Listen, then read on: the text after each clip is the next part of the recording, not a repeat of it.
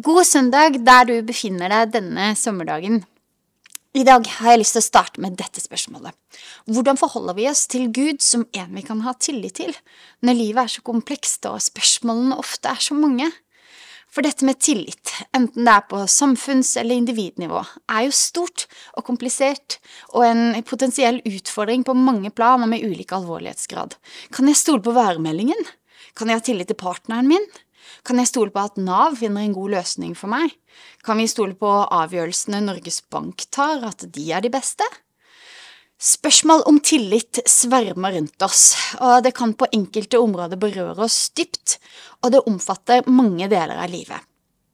Og midt i alt dette mellommenneskelige, eller systemrelaterte eller hverdagslige, så kommer spørsmålet hvordan er dette med Gud? Kan jeg ha tillit til ham? Kan jeg stole på at han, midt i alle disse skuffelsene, er der? Jeg vet at i disse tingene så er vi alle ulike, og av den grunn så er vi også ulike, i ulik grad berørt av disse her spørsmålene. Samtidig er noen av oss spesielt berørt i denne problemstillingen, for er du en grunnleggende skeptiker, eller tenderer du mot å være naiv? Er du den som sitter på kafé og legger igjen kort og mobil og Mac og nøkler og you name it på kafébordet, eller drar du med deg alt inn på doen de minuttene du er der og pakker ut alt igjen etterpå? Liker du å ha kontrollen selv, eller betyr egentlig ikke det så mye? Kjennes det lett for deg å stole på Gud, eller er det egentlig ikke det? Jeg har i hvert fall kjent på kroppen at denne tematikken har vært veldig aktuell, med familiemedlemmer som har blitt syke, mennesker nær meg som har mista barn i spontanabort sent i svangerskapet, smertefulle samlivsbrudd i nær omkrets, og jo flere år jeg lever, jo mer ser jeg at livet kan være ordentlig, ordentlig skjørt. Vi står alle ulikt i hvor krevende vi syns det er å ha tillit til Gud, tillit til mennesker, men jeg tror at i oss alle så ligger det et ønske om uavhengighet, det å få slippe kanskje egentlig å, å være sårbare, at det finnes en viss smerte i det å måtte stole på noen, i den forstand at det krever at jeg lener meg litt inntil, som innebærer en risiko for at eh, jeg faller hvis det eller den jeg lener meg til, ikke står fast. Jeg tror vi alle kan synes dette med tillit, det å stole på, til tider kan være ganske utfordrende. Så hvordan skapes denne tilliten? Jeg tror ikke det finnes noen vidunderformel her. Jeg tror ikke det finnes noen kvikke, lettvinte svar. Heller ingenting som vil endre denne opplevelsen av å kunne ha tillit over natta. Men jeg tror at vi over tid kan la noen perspektiver få synke inn, kanskje falle til ro ved noen ting, og også få en større åpenbaring av enkelte ting. Jeg har lyst til å ta utgangspunkt i Romerne kapittel åtte når jeg går inn i denne tematikken, og se på hva Paulus skriver, eh, som vi kanskje kan inspireres og læres, lære av. Jeg vil stille disse fire spørsmålene nå. Hva betyr det at du er Guds arving, og at han tar hånd om deg? Og hva vil det si at Guds rike er kommet, men samtidig ennå ikke? Hva betyr det at Gud gir nåde forbi eller gjennom et problem? Og til slutt, hva bygger vi tilliten på? Men til det første, hva betyr det at du er Guds arving, og at han tar hånd om deg? I Romerne kapittel 8 fra vers 15 så står det dere har ikke fått den ånden som slavene har, så dere, så dere, igjen skulle være redde. Men dere har fått ånden som gir rett til å være Guds barn, den som gjør at vi roper Abba, far. Ånden selv vitner sammen med vår ånd om at vi er Guds barn. Men er vi Guds barn, er vi også arvinger. Vi er Guds arvinger og Kristi medarvinger, så sant vi lider med ham, så vi også skal få del i herligheten sammen med ham. Her snakker Paulus om å ikke bekymre seg for fremtida, både i form av livet etter døden og for livet her og nå. Han tar altså opp dette så relevante og hverdagslige fenomenet bekymringer, og kommer med et svar på hvordan troen møter dette. Og bekymring er noe vi alle møter, enten det er bagateller som hva skal jeg gå med, eller hva skal jeg servere de gjestene som kommer i morgen, eller det handler om mye større og dypere liggende ting som hvordan vil det gå med denne relasjonen egentlig, eller jeg sliter med å få jobb, hva skal jeg gjøre med det? Personlig er jeg en kveldsgrubler. Jeg kan sitte og fundere på alt mulig rart. Alt vokser litt i topplokket mitt på kvelden, enten det er arbeidsoppgaver eller ansvar. Og da sovner jo Halvard irriterende nok alltid før meg, mens jeg innbiller meg at jeg liksom løser verdensproblemer. Jeg tror vi alle bekymrer oss, enten mye eller lite.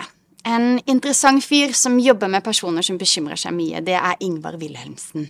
Han er huet bak hypokonderklinikken i Bergen, som sikkert noen har hørt om, og han er professor i psykologi. Han hjelper folk som overdrevent bekymrer seg for sykdom, for å kjøre i tunneler, for å gå til tannlegen, som har flyskrekk, osv. På Lindmo for en tid tilbake så fortalte han om en dame som var oppe om natten og sønnen hennes, ja, en 40 år gammel fyr, skulle fly fordi hun var så redd for om flyet han satt i, ville falle ned.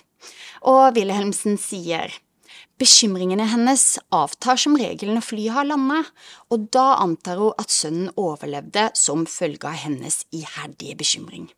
Hun tror simpelthen at hun på magisk vis kan holde et fly i luften med sin egen bekymring. Og når denne sønnen var en fyr som ofte var på reisefot, så kan vi jo ane oss hvor upraktisk dette må ha vært for denne her bekymrede moren. Behandlingen som Wilhelmsen bruker på pasientene sine, syns jeg er verdt å merke seg.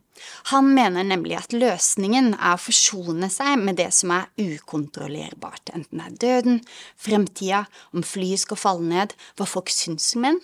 Da er bekymringen malplassert, sier han, for du får aldri kontroll. Og hva sier han er løsningen? Slipp kontrollen. Og her er Wilhelmsen inne på en sannhet, for Bibelen lærer oss også at vi må slippe kontrollen fordi Gud selv har kontroll.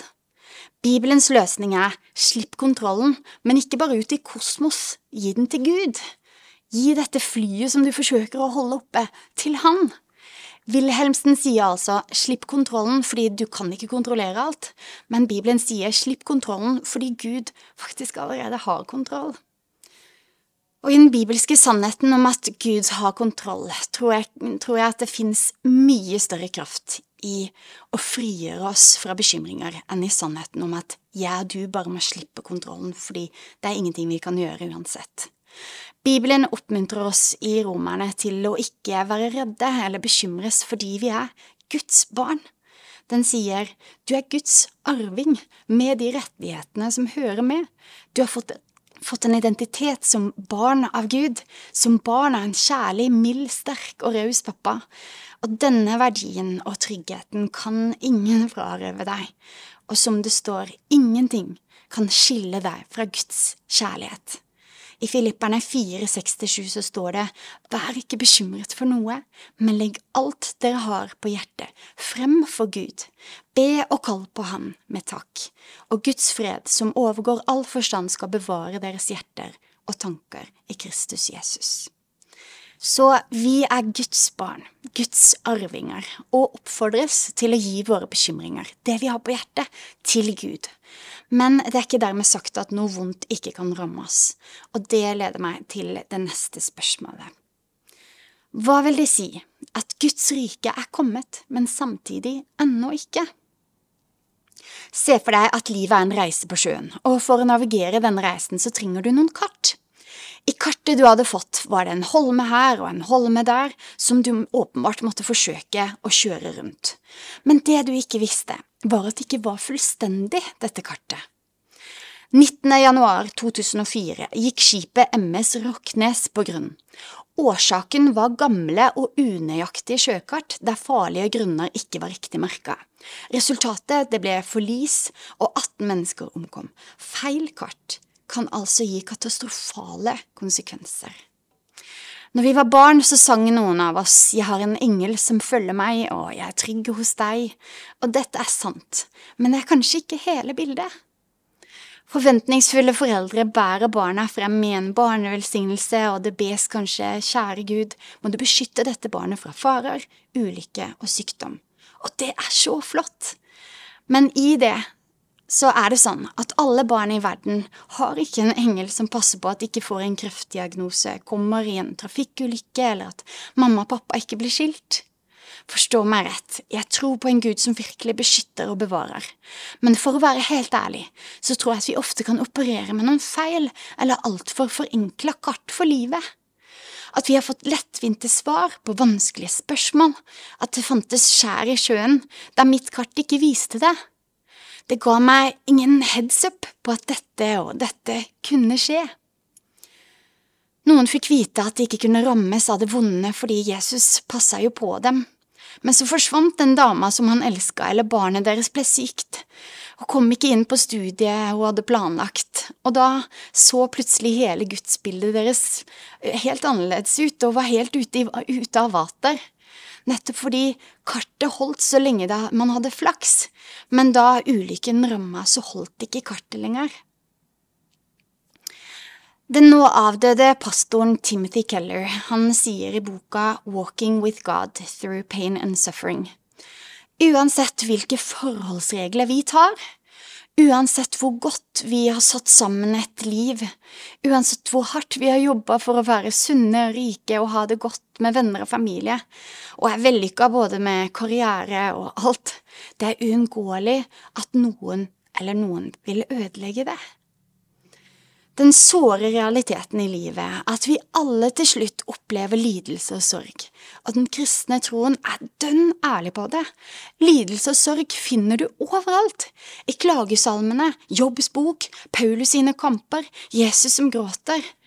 Bibelen tegner ikke et glamorøst bilde av vår tilværelse, men i vår iver så kan vi noen ganger love på vegne av Gud ting han selv ikke har lovet.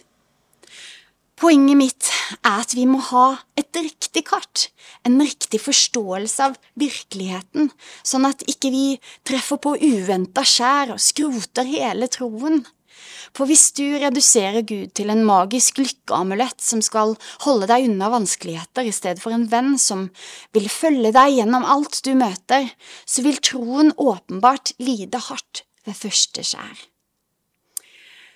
En historie som illustrerer dette, er Karl Inge Tangens reise med helbredelse. Han er i Eldsterådet her i Filadelfia-kirken og forskningsleder på HLC. Men i en periode av livet var han en del av et radikalt trosmiljø hvor det var lagt stor vekt på helbredelse, og hvor den rådende læren var at hvis en trodde nok, så ville en bli helbreda. Karl Inge derimot trodde i motsetning til sine venner at Bibelen lærte at Guds rike både allerede er kommet, men samtidig ennå ikke fullt ut realisert. Men i dette så ble han ofte møtt med at han hadde for liten tro. Dessverre er enden på å vise at det nesten bare er han igjen av dette miljøet som tror og praktiserer bønn for syke, mens resten har tatt avstand fra det. Derfor så tror jeg at vi trenger å forstå dette teologiske prinsippet som heter allerede, men ennå ikke.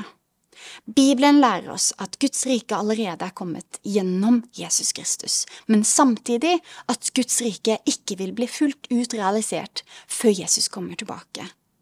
På den ene siden er Guds løfter allerede begynt å bli oppfylt gjennom Jesus, at han har tatt hånd om synden og skylden på korset, at han har seira over mørkets krefter, at vi har fått Guds rettferdighet, vi har fått Den hellige ånd som for forvandler oss, og hans glede og fred er allerede tilgjengelig for oss. Men på den andre sida så er det mange løfter som ennå ikke er realisert. Dette er jo egentlig ganske åpenbart. Vi har gitt løfter om å seire over døden, men døden er ikke seiret over enda. Vi har fått løfte om ingen sykdom, ingen lidelse, men dette er noe vi definitivt har. Og det er dette Paulus snakker om. Han sier at vi som har fått Ånden, den første frukt av høsten som kommer. Samtidig sier han, et håp vi alt ser oppfylt, er ikke noe håp. Hvordan kan noen håpe på det de ser? Men hvis vi håper på noe vi ikke ser, da venter vi med tålmodighet. På samme måte kommer også Ånden oss til hjelp i vår svakhet. Altså er Guds rike allerede kommet, men samtidig ennå ikke. Jeg tror vi enkelt kan konkludere med, ut fra historier vi hører og egne erfaringer, at ikke alt er perfekt. Ikke alle blir helbreda. Ikke alle vanskelige situasjoner løser seg men det betyr ikke at Gud ikke er virksom. Dette er viktige saker som berører oss alle, og derfor vil jeg gå litt inn i følgende spørsmål, som er mitt neste punkt. Hva betyr det at Gud gir nåde forbi eller nåde gjennom et problem? Noen av oss har kanskje opplevd at Gud på en eller annen måte har tatt oss rundt et problem, akkurat som at han leder en på en smart vei rundt et fjell fordi han visste om en skjult vei, en nådevei. Kanskje han svarte på din bønn om å ta byrden fra deg, fjerne problemet, eller kanskje en utfordring som på mirakuløst vis løste seg. Andre her har kanskje opplevd at Gud har tatt deg igjennom noe. Kanskje du ba og lengta etter at Gud skulle ta bort hele pakka av det vonde, men at Gud tilsynelatende lot noe annet skje. Det forsvant ikke, nei, du gikk heller midt igjennom det tøffe, men at Gud holdt rundt deg langs den stikkende eller krøllete veien. Og kanskje det viste seg at han likevel brakk ned noen torner, eller at han jevna ut et humpete landskap, enten du merka det eller ikke. Jesus selv har kjent dette på kroppen. I Getsemane, før Jesus skal korsfestes, så ber, korsfestes, så ber han, som vi også kan gjøre, Far, alt er mulig for deg, ta dette begeret fra meg, men ikke som jeg vil, bare som du vil. Og vi vet jo at Gud her responderer med å være med Jesus igjennom det som skulle skje, altså i nåde igjennom lidelsen. Gud har ikke lovet å ta oss rundt problemene, men å gi oss styrke til å gå igjennom de. Han har lova oss at som dagen er, skal styrken din være. I dag vil du klare i dag, og i morgen vil du klare i morgen. Gud griper inn i vår virkelighet og gir styrke gjennom sykdom eller helbreder, fort eller sakte, men Gud hindrer ikke at kristne blir syke. Og midt i disse tinga kan vi vite at Gud er en Gud som er veldig glad i å snu det vonde til noe godt. Som Bibelen også sier i dette kapitlet i Romerne, vi vet at alt tjener til det gode for dem som elsker, elsker Gud, dem han har kalt etter sin frie vilje.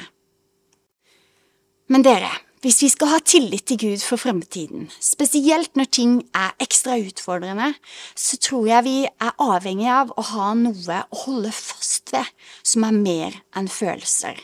Så jeg vil til slutt stille dette her spørsmålet. Hva bygger vi tilliten vår på? Hvordan vi ser Gud, erfarer Gud, kjenner Gud, en subjektiv bakgrunn for å ha tillit til Gud, vil jeg påstå er helt uvurderlig som jeg tidligere har snakka om, vår identitet som arvinger, barn av Gud, det er så godt når det kjennes sånn, at vi er blitt tatt under en pappas vinger, at vi kan kalles hans. Med erfaringer med Gud i ryggsekken kan det være lettere å stole på Gud fordi vi kjenner han bedre, på samme måte som med hvilket som helst annet menneske. Men når vi så brutalt erfarer at lidelse er en del av livet, fordi vi vet at Gud kan oppleves stille osv., så, videre, så må det også finnes en objektiv side her som kan hjelpe oss i å ha tillit til, tillit til Gud. I Romerne 8.31-34 så leser vi hvordan Paulus og gjengen forholdt seg til de store sannhetene. Hva skal vi så si til dette? Er Gud for oss, hvem kan da være imot oss? Han som ikke sparte sin egen sønn, men ga ham for oss alle, kan han gjøre noe annet enn å gi oss alt sammen med ham?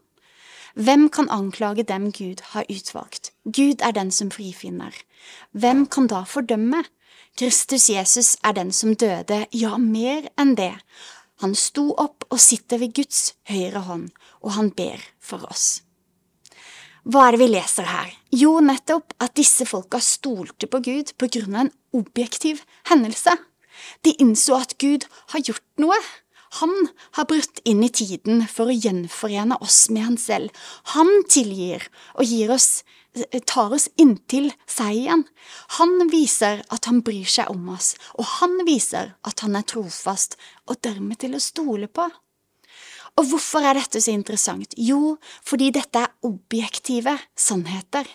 De er grunnlag for å kunne ha tillit til Gud, uavhengig av ens subjektive opplevelse, ens følelser og erfaringer. Paulus er igjen et eksempel her.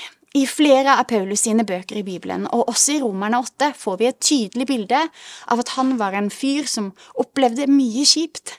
Han ble forfulgt for sin tro, han ble anklaga, han ble håna. Han sier, Vi vet at helt til denne dag sukker og stønner alt det skapte, samstemt som i fødselsrier. Det er tydelig at Paulus ikke opplevde, ikke levde idyllisk, en idyllisk versjon av livet.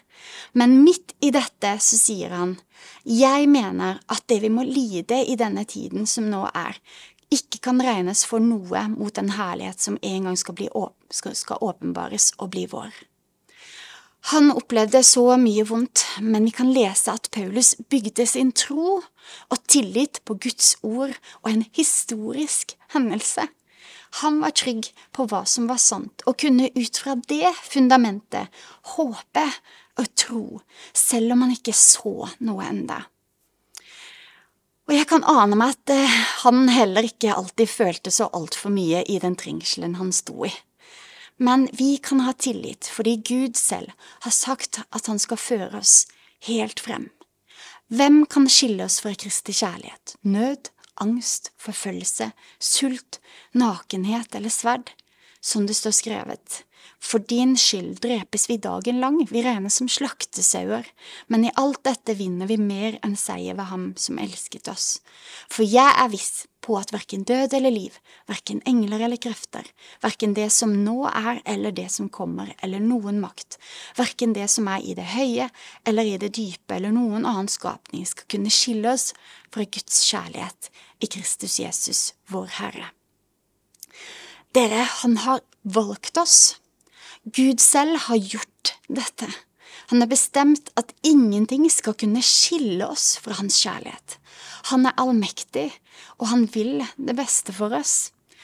Og jeg tror at hvis vi reorienterer vårt bilde av Gud litt, hvis vi kanskje rydder litt opp i noen av våre forestillinger og vår forståelse av ham, og kanskje skaffer oss noen litt riktigere kart for livet, vil vi enklere ha tillit.